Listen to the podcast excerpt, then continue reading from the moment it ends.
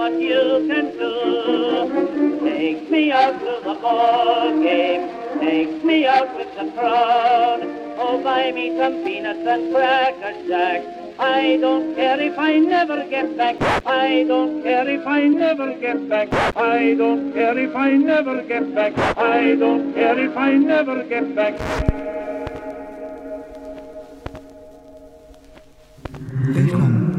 Og lidt, lidt Hej og velkommen. Jeg hedder Mia, og i dag skal vi lave lidt noget andet, end vi plejer. Det er jo Halloween, så jeg tænkte, at jeg vil lave en lille special til jer, og øh, derfor vil jeg læse en lille uhyggelig historie op. Hvis du er fastlytter, så ved du, at jeg ofte har nævnt konceptet creepypastas. Og creepypasta er et form for underforum inde på det forum, der hedder Reddit. Og øh, inde på de her underkategorier, eller subreddit, som det bliver kaldt, der er der opstået mange ting som creepypastas og no sleeps. Der er også et forum derinde, der hedder Let's Not Meet, som er mere rigtige historier, som handler om knap så overnaturlige ting, men bare virkelig uhyggelige mennesker, man har mødt, som man ikke har lyst til at møde igen. Creepypastas og no sleeps har ofte lidt mere overnaturlige eller mærkelige undertoner. Men de er alle sammen skrevet, som om de er rigtige. Og nogle af dem er rigtige. Pointen er bare, at man ikke altid ved, hvad der er korrekt. Mange af dem er også skrevet som om, at det er en legende, men i virkeligheden er det så bare en legende, som forfatteren har opfundet. Så derfor så er det altid sjovt at læse, fordi man ved ikke helt, hvad der er rigtigt og hvad der ikke er rigtigt. Og den historie, jeg vil læse for jer, den er faktisk ikke engang for Reddit. Den er nemlig rigtig gammel, og det er en, der er blevet fundet og delt inden fra et andet forum, der hedder 4chan. Og øhm, om den her den er rigtig, det aner jeg ikke. Øhm, den er ikke postet inde på de her forumer, hvor det som oftest er falske historier. Historien hedder Nancy's Goatman Story, og jeg har selvfølgelig oversat historien, så alle kan være med. Øhm, men den er amerikansk, så der er nogle koncepter, som måske ikke giver så meget mening. For eksempel taler jeg om en trailer eller en camper, som er sådan lidt et stort, øh, flytbart hus.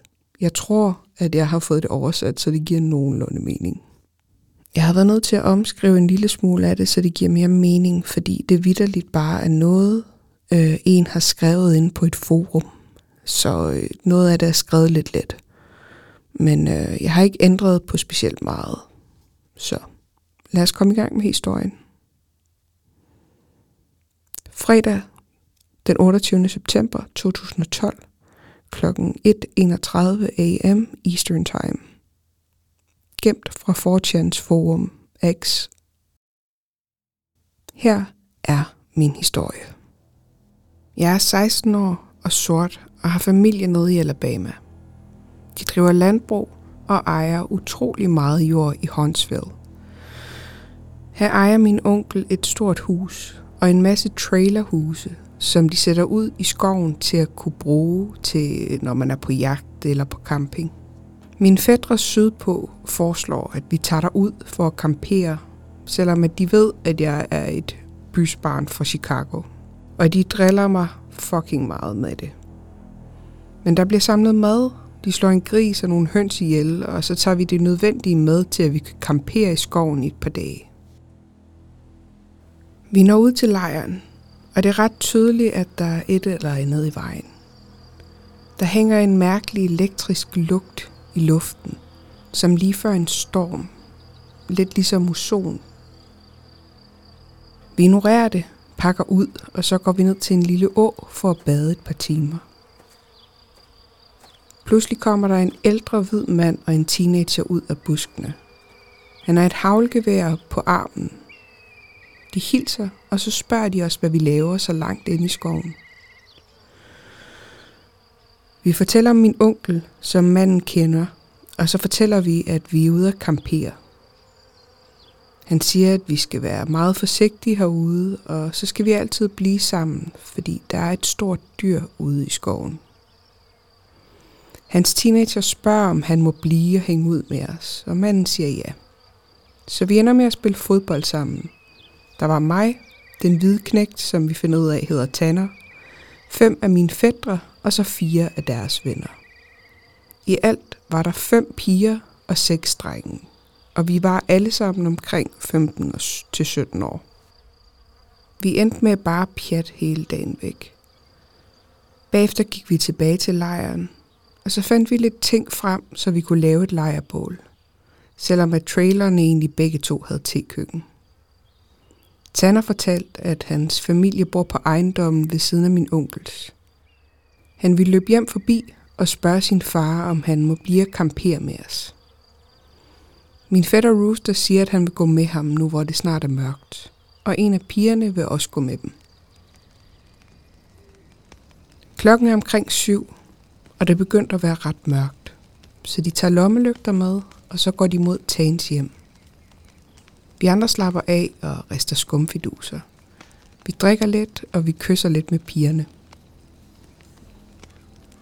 Omkring 30-40 minutter senere kommer den der lugt af ozon igen. Det var tydeligt, selv gennem lugten af bålet. Den her virkelig ulækre, koveragtige lugt, som lige efter du har haft næseblod og blødningen er stoppet. Det var ikke helt som tørret blod, men det var den her grimme metalliske lugt, du kan fornemme eller smage helt bagerst i halsen efter næseblod. Vi tror med det samme, at det er en eller anden form for elektrisk fejl, eller at nogen har efterladt en kogeplade på, eller et eller andet. Vi gennemsøger trailerne, og intet er tændt. Men vi kan alle sammen stadigvæk lugte det. Pludselig kan vi høre nogen, der spæner ned ad stien imod os. Og Rooster, Tan og Pigen kommer alle sammen løbende ud af skoven og ud i lysningen. De er helt forpustede, og de sætter ikke engang farten ned. De løber alle sammen direkte ind i traileren, lige forbi bålet, hvor vi alle sammen er. Vi spaner alle sammen ind i traileren i en helvedes fart lige efter de andre. De falder endelig til ro. Selv min fætter Rooster stortuder på nuværende tidspunkt. Udenfor er ilden langsomt ved at dø ud, så mine andre fætter siger, fuck it, og så vil de gå ud for at sætte generatoren i gang, så vi kan få strøm i trailerne. Tanner siger, fuck nej, lås døren, og der er ikke nogen af os, der går udenfor. Hans øjne er fuldkommen blodskudte og hævet, fordi han har grædt så meget, og hans bukser er møg beskidte. Han fortæller os, at de gik op til hans hus, og hans far sagde, at han godt kunne tage med os ud og campere. Men for en sikkerheds skyld var det måske en god idé at tage et af jagtgeværene med, og så være ekstra forsigtig på vejen tilbage – Tanner havde åbenbart set noget mærkeligt på deres gård et par dage før. En af deres grise lå og var revet i stykker og halvspist. De antog, at det bare var nogle store katte eller prærieulve, selvom de normalt ikke fucker med levende dyr.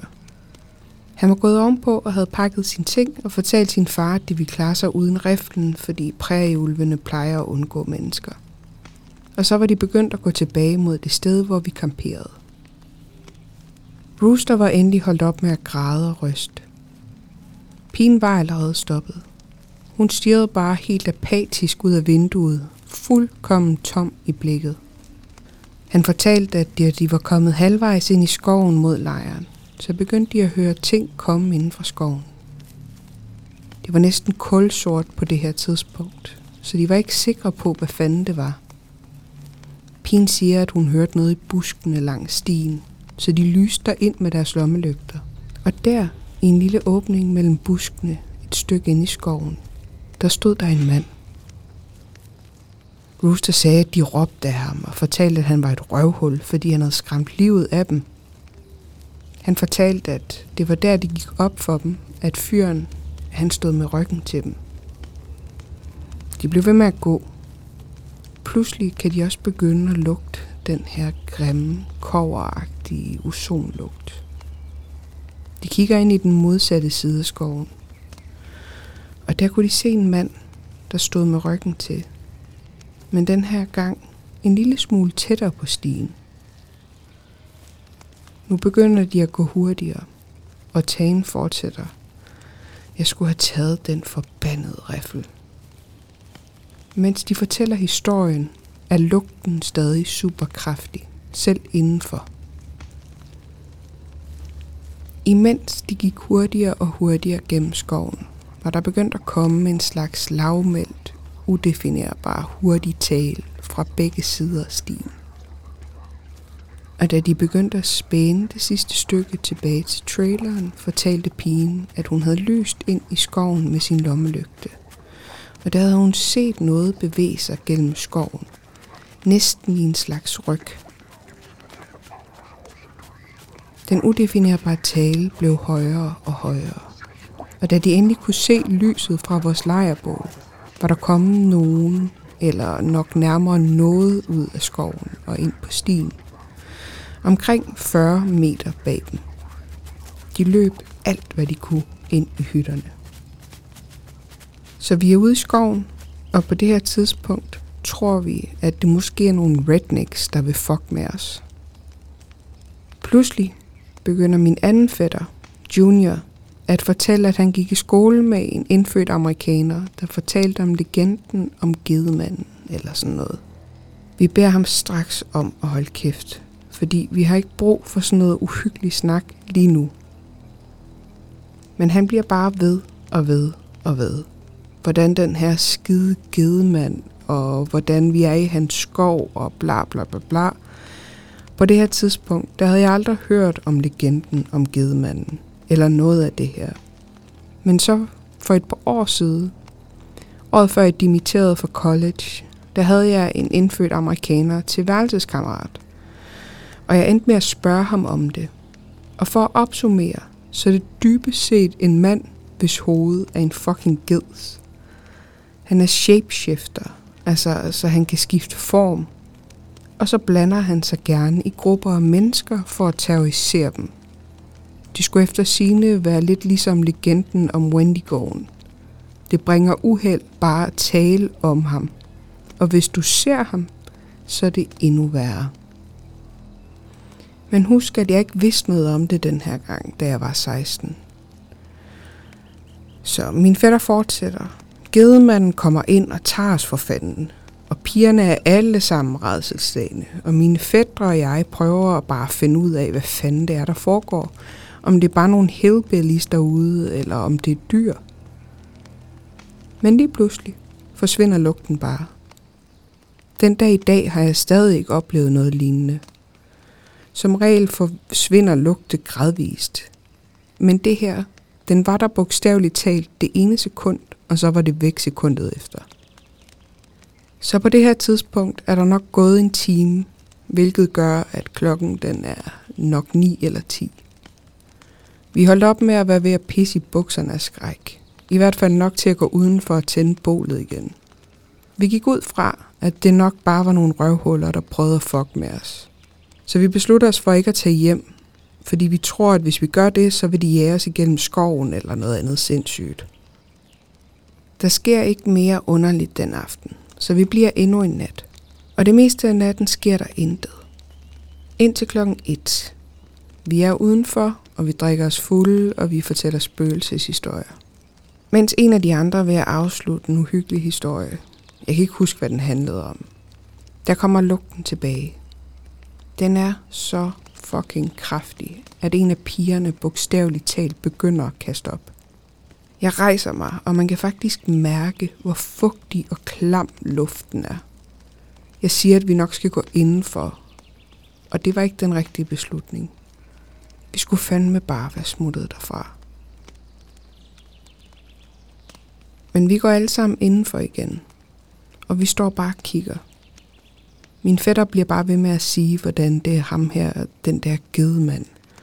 Og min anden fætter Rooster prøver at få ham til at holde sin kæft. Og imens, der står jeg bare og har det som om, der er noget helt galt. Og jeg kan bare ikke finde ud af, hvad fanden det er. Vi ender med at sidde der i et stykke tid. Lugten den er lige så kraftig som før. Vi er alle sammen samlet ind i den her ind i det her trailerhus, og vi er totalt redselslagende. Efter noget tid beslutter vi os for at lave noget mad til os alle sammen. Fordi ingen af os vil udenfor igen. Jeg steger nogle pølser. Det er en af de der pakker, hvor der er fire i hver. Jeg griller tre pakker på komfuret, og så giver jeg alle en hotdog og tager en selv. Efter et stykke tid rejser en af mine fædre sig og går over til komfuret for at hente en til. Han begynder at brokke sig over, hvordan jeg har taget to, og alle andre kun fik en. Jeg kigger på ham, som om han er dum, og fortæller ham, at alle kun fik en hotdog, fordi der var 12 pølser i alt. Hvis han vil have flere, så skal han åbne en ny pakke, og så skal han stege nogle flere. Nu begynder den ene af pigerne, hende der havde været ude med Rooster og Tan tidligere, bare at skrige. Fuck af, få den ud! Hun græder og hun ryster, og så går det op for min fætter, hvad der er galt. Han rejser sig op, og vi står bare og kigger rundt i lokalet. Og så mærker jeg, at mit hjerte synke helt ned i min mave. Jeg spaner ud af camperen, og pigen løber med. Trailerdøren hamrer mod siden, mens alle kommer bravende ud. En af mine fætters venner spørger os, hvad fanden der er galt, og jeg begynder at tælle os. Der er kun 11 af os nu. Det er fucking rigtigt, bekræftede min fætter. Der havde været 12 personer i camperen. Men da vi ikke alle sammen kendte hinanden lige godt, så var der ingen, der havde lagt mærke til, at der hele tiden havde været en person for meget. Og så gik det op for mig, at jeg ubevidst havde bemærket, at der var noget galt. Kender du det, når man bare stiner rundt og slapper af, og man har ikke en bekymring i verden eller en grå sky i sigte, så du holder ikke rigtig øje med alt. Jeg er helt sikker på, at der har været en anden i traileren med os. Og hvad der gør det endnu værre er, at jeg ikke kunne regne ud, hvem af os det var. For jeg tror ikke, at der var nogen, der rent faktisk havde interageret med den anden person, eller givet manden, eller hvad fuck det var. Vi sidder alle sammen udenfor, og hende her pigen bliver bare ved med at bede til Gud. Og til sidst tager vi os sammen. Vi finder nogle store grene, og så går vi tilbage til camperen. Men der er ikke nogen derinde. Vi tæller os selv igen. Der er 11 personer. Vi går ind i traileren og låser døren. Og vi diskuterer, hvad fanden det var, der egentlig skete. Pigen fortæller, at hun fandt ud af, at der var noget galt, da det havde set ud som om personen, der sad ved siden af hende, ville sige noget til hende. Og i stedet for havde han taget hårdt fat i hendes ben og lænet sig ind til hende og sagt noget, hun ikke kunne forstå. Så jeg er pænt fucking bange, da vi alle sammen kryber sammen, og jeg endelig falder i søvn. Da jeg vågner, er solen på vej op. Den ene halvdel af os sover, og den anden halvdel er ved at pakke sammen. Vi vil alle sammen gerne hjem derfra. Men der er fire mennesker eller sådan noget, der bare gerne vil blive til solen er stået op. Og nogle af de andre tror, at vi bare tager pis på det og gerne vil blive der helt. Og jeg vil bare fucking væk fra den skov. Pigen, som øh, gedemanden havde rørt ved, hed Kira. Jeg spurgte hende, om hun virkelig troede, at det var noget ondt, og hun sagde, at hun bare gerne ville hjem med det samme og hun skulle ikke være alene ude i skoven en nat til. Så vi beslutter os for at dele os op. De fire, der vil gå, kan gå, og jeg bliver nødt til at blive, fordi jeg har nøglerne til hytten, og det er min onkels, så jeg skal låse den af. Jeg er pisse sur på det her tidspunkt. Fordi jeg synes, at folk ikke tager det seriøst. Jeg havde bestemt ikke lyst til at være ude i skoven endnu en nat. Så jeg brugte resten af dagen på at prøve at overbevise de resterende i gruppen, nu fire piger og fire fyre, om at vi skal skride derfra hurtigst muligt. Klokken 16 tager Tanner hjem for at hente en riffel, og vil komme tilbage med den. Så nu er der kun syv af os tilbage. Omkring klokken 17 er han ikke kommet tilbage nu, så vi er ved at blive ekstremt nervøse. Og den eneste grund til, at jeg holdt op med at tikke de andre om at smutte derfra, var fordi han var gået efter riflen. Klokken er 17.30 eller deromkring, da den ene af mine fædre siger, at pigen, hende Kira, er udenfor. Vi kigger alle sammen udenfor, og ganske rigtigt står hun ved bålpladsen med ryggen til os. Jeg tænker, at hvis hun var så bange, hvorfor fanden er hun så kommet tilbage? Og så får jeg den her urolige følelse i maven. Husk, at hele tiden har den her koveragtige lugt været væk. Og nu går det pludselig op for mig, at jeg kan lugte en snært af det igen. Jeg siger det til de andre. Og det er altså de her mennesker, der ønskede at blive i skoven, til trods for, at vi havde haft den her fucking gedemand i blandt os. Og de griner af mig og spørger, om jeg har arrangeret det for at skræmme dem. Jeg ser på dem med et, det her er ikke for fucking sjovt blik, og spørger dem, hvorfor fanden skulle jeg have gjort det. En af pigerne går udenfor for at hente Kira. Hun når halvvejs hen til hende og stopper bræt op. Kira begynder at bevæge på sig.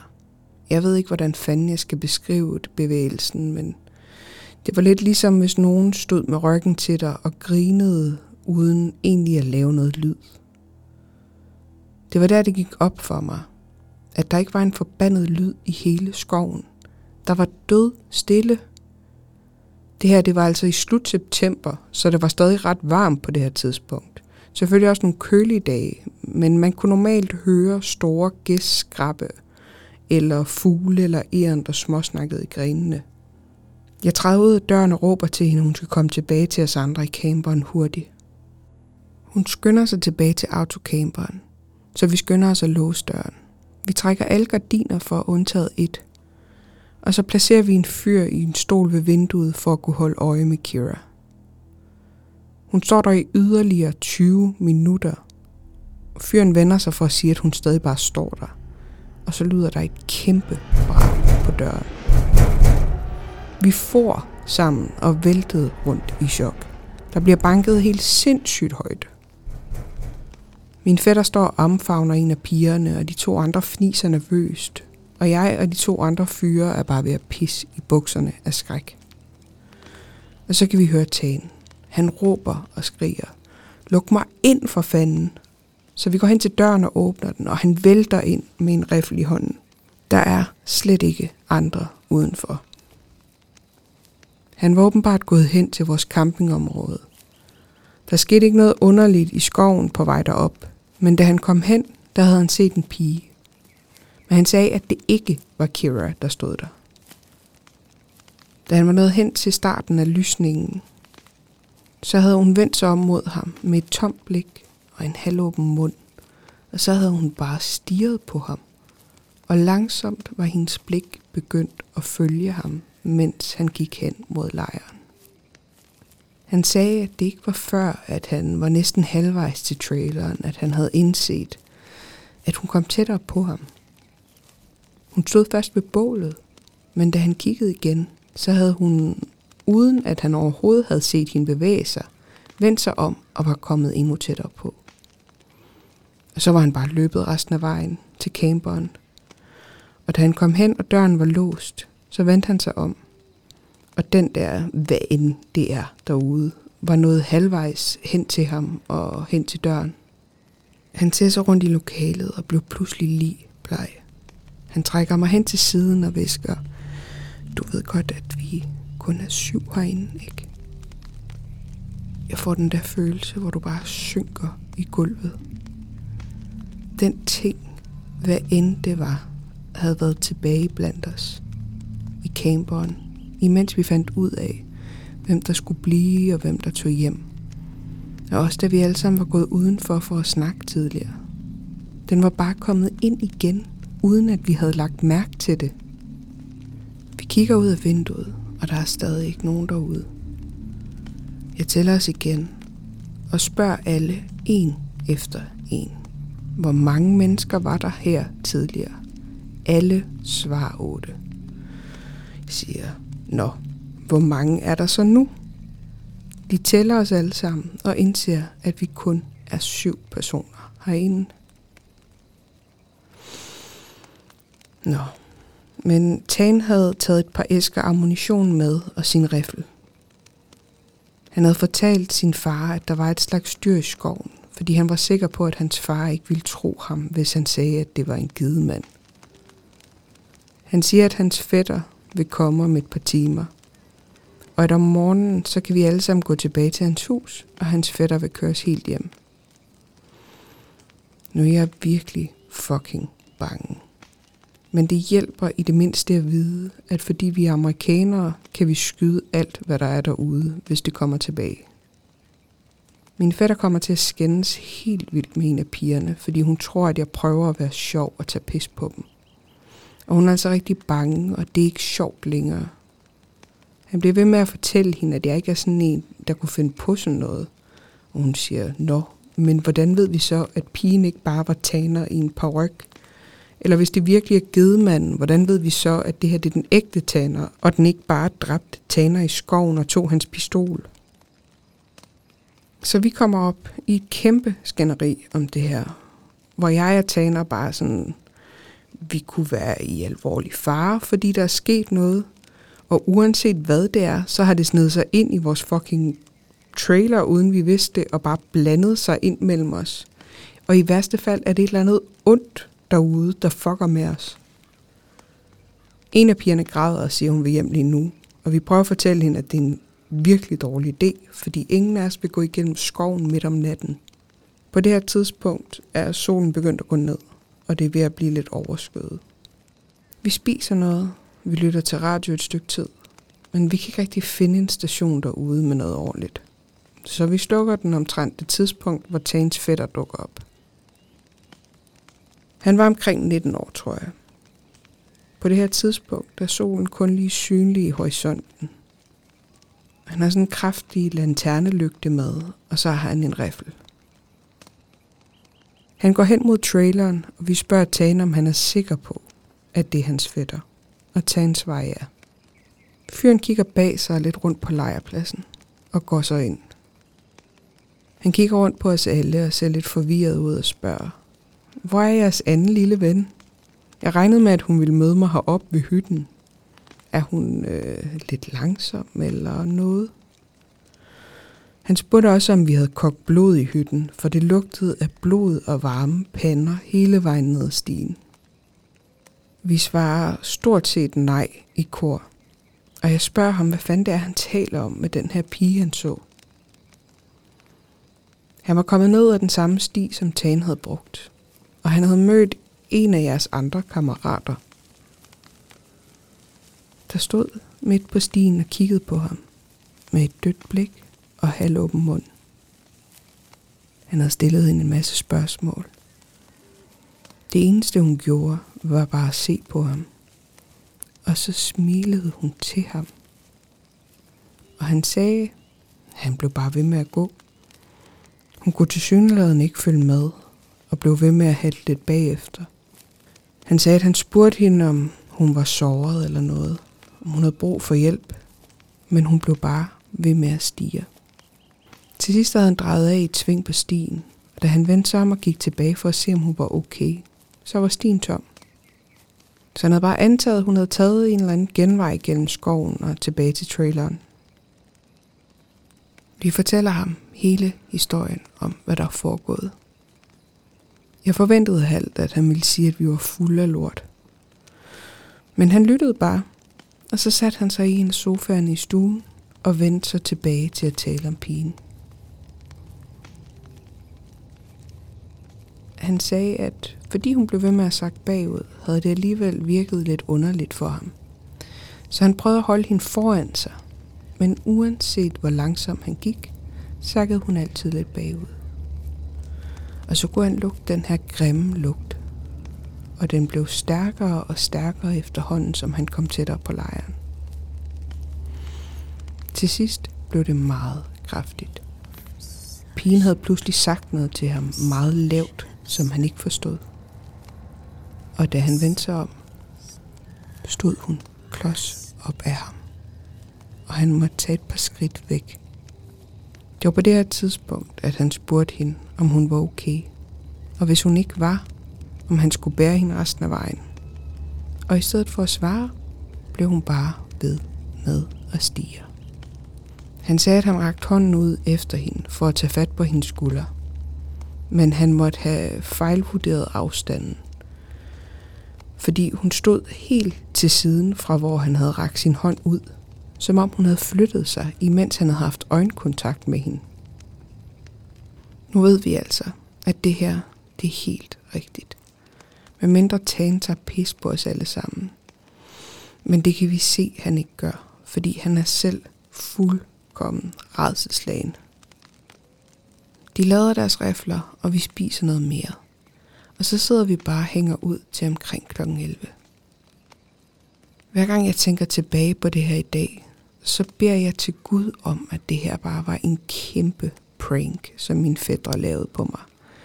Og de så bare aldrig har afsløret det, så jeg kunne være bange resten af mit liv. Klokken runder 11, og stanken af kover bliver nu til en virkelig klam, decideret blodlignende lugt. Som kogende blod og brændt hår. Tana hans fætter Reese springer op med det samme og griber riflerne. Der er sådan en halvt banke, halvt krassen på døren, og jeg tager ikke pis på dig. Der er nemlig også en stemme. Den lyder som når du ser de der YouTube-katte og hunde, hvis ejer lærer dem at tale. Den har sådan en hakkende, underlig tonet stemme. Luk mig ind for fanden. Det fik det til at løbe iskoldt ned af ryggen på mig. Og en af pigerne begynder bare at græde og kalde på Jesus. Det var fandme ikke et menneske, der talte. Det havde slet ikke den rigtige kadence. Og det er noget, jeg aldrig har tænkt over før det øjeblik. Men alle mennesker har en eller anden bestemt kadence, når de taler, uanset hvilket sprog det er på. Alle mennesker har bare en bestemt form for rytme i deres tale. Og det her, det havde ingen form for kadence eller rytme. Det lød bare som en af de der fandens YouTube-katte uden for døren. Så nu er jeg fuld paniktilstand. Vi bliver ved med at råbe, hvem er det? Stop med at tage pis på os. Men den bliver bare ved med at sige ind, eller lad mig for fanden komme ind i næsten et kvarter. Du må undskylde, hvis jeg er ude af en tangent, men hvis du ikke kan forestille dig, hvordan det lød, så kan du ikke forestille dig, hvor fucked hele situationen var. Lugten forsvinder i et stykke tid, og i den efterfølgende time eller deromkring, der kan vi høre noget lusk rundt i skoven omkring os. Og hver femte minut cirka, så kommer det hen til døren igen og siger noget. Da lugten endelig forsvinder helt, er klokken omkring to om morgenen. Reese siger, fuck det her, og så åbner han døren og går udenfor med sit gevær.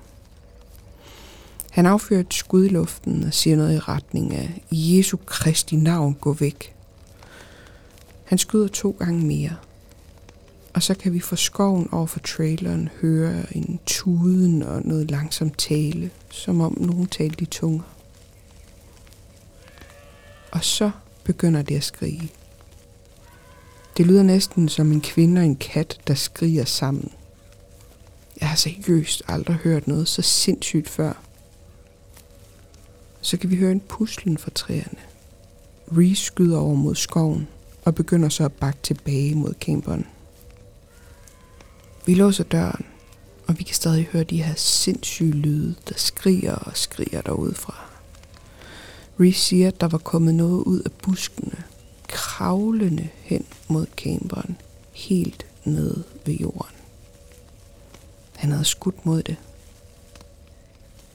Og sådan fortsatte det stort set resten af natten. Den skreg bogstaveligt talt konstant i de næste to timer. Og vi kunne høre den bevæge sig rundt i træerne, rundt i lysningen. Men den kom ikke helt tilbage til hytten, før vi endelig var faldet helt i søvn. Tan havde siddet i stolen og holdt øje med døren, med hånden på geværet. Ingen af os andre hørte eller så det her, og han fortalte mig det først to dage efter vi var kommet hjem. Han fortalte, at han havde siddet og småsovet lidt, efter alle skrigene og lydene endelig var stoppet. Og han var næsten faldet i søvn, da han så nogen komme ud fra badeværelset og derefter ligge sig på gulvet blandt os andre. Han gik bare ud fra, at det var en af os, og så var han faldet i søvn igen. Men der var nu alligevel noget, der virkede forkert. Ubevidst vidste han bare, at der var et eller andet galt. Så imens han lød, som om han sov, så talte han os igen. Der var ni personer i traileren. Han ville ikke prøve at skyde på den skide ting midt i stuen og få den til at stå op og slå os alle sammen ihjel på stedet. Han ville heller ikke vække Reese, der så ville begynde at skyde og måske komme til at skyde os selv. Så han holdt sig bare vågen hele natten og lod, som om han sov, imens han holdt øje med den. Han fortalte, at den bare lå der helt stille, men indimellem så rejste den sig op, bevægede sig mærkeligt, som om den grinte uden lyd, eller gav sådan nogle små ja i kroppen, og så lagde den sig bare ned igen.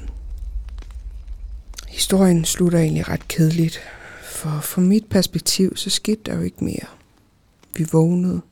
Jeg lå mærke til, at Tagen han var lidt urolig, og at han undgik at holde øjenkontakt med os.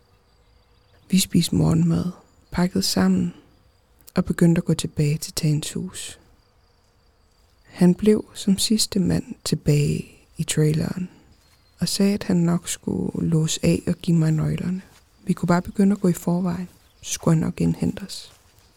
Jeg havde ikke helt lyst til at lade ham gøre det alene, men vi nåede kun et lille stykke op ad stien, da han indhentede os. Og så småløb vi stort set hele vejen tilbage til hans hus. Og som lovet, så kørte hans fætter os hjem. Der var et vindue på badeværelset. Da Tan var blevet tilbage for at låse af, der kiggede han derind. Vi havde været for fucking dumme til at låse det vindue af. Det kunne bare trækkes op udefra. Og det stod åbent, da han kiggede derind. Jeg gætter på, at det bare var det, den havde gjort hele tiden. Den ventede på, at vi faldt i søvn, eller var distraheret af et eller andet. Og så kom den ind igennem vinduet og gemte sig i gruppen sammen med os. Den havde været med os hele morgenen og fulgte os hele vejen tilbage til hans hus, indtil den til sidst sakkede bagud og stirrede ham direkte ind i øjnene, inden den forsvandt tilbage i skoven.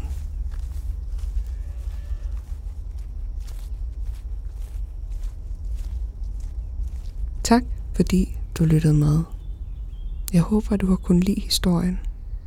Og hvis du kan lide det, vi laver, så kan du hjælpe os ved at skrive en lille anmeldelse af os, hvor end du lytter med. Du kan give os stjerner på Apple Podcast, og du kan også give os en thumbs up, hvis du lytter med ind på Podimo. Det hjælper os rigtig meget med at nå ud til flere mennesker, og på den måde kan vi få adgang til flere steder. Hvis du vil se billeder fra afsnittene og følge med i, hvad vi render og laver, så kan du kigge med ind på Instagram, fucking uhyggeligt med to A'er, eller i Facebook-gruppen Fucking Uhyggelig Podcast. Hvis du kunne lide den her slags afsnit, så øh, kan du gå derind og skrive det, så jeg ved, om det er noget, jeg skal lave en gang imellem i fremtiden. Jeg håber, at du vil lytte med en anden gang, og så håber jeg, at det også bliver fucking uhyggeligt.